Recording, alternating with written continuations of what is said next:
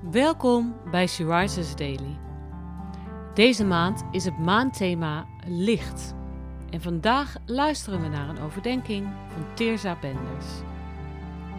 We lezen uit de Bijbel Efeziërs 5, vers 8.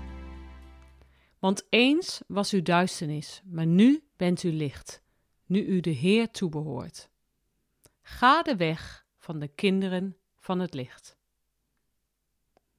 Eens was uw duisternis.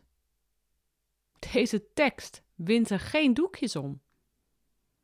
We hoeven ons, als we doorgewinterde christenen zijn, dus niet beter te voelen dan anderen.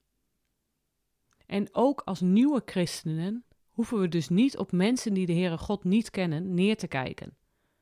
Wij waren duisternis, totdat we God toebehoorden. En het is enkel en alleen genade dat we Zijn kinderen mogen zijn.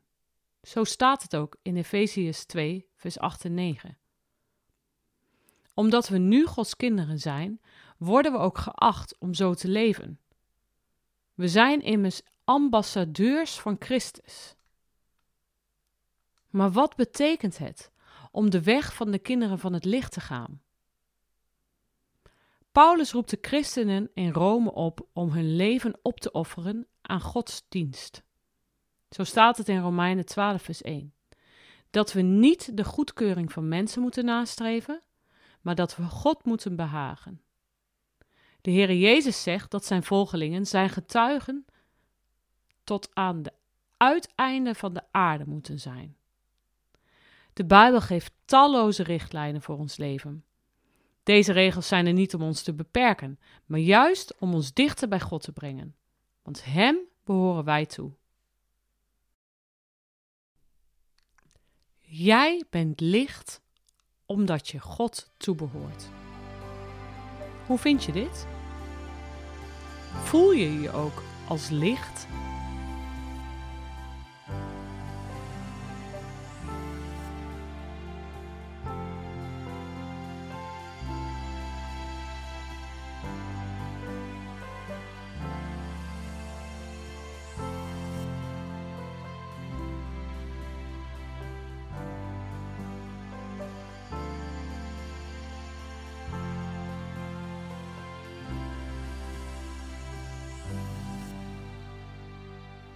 Laten we samen bidden.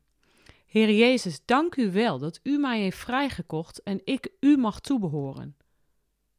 Dank u wel voor de richtlijnen die u schenkt in uw woord, zodat ik in uw licht mag wandelen.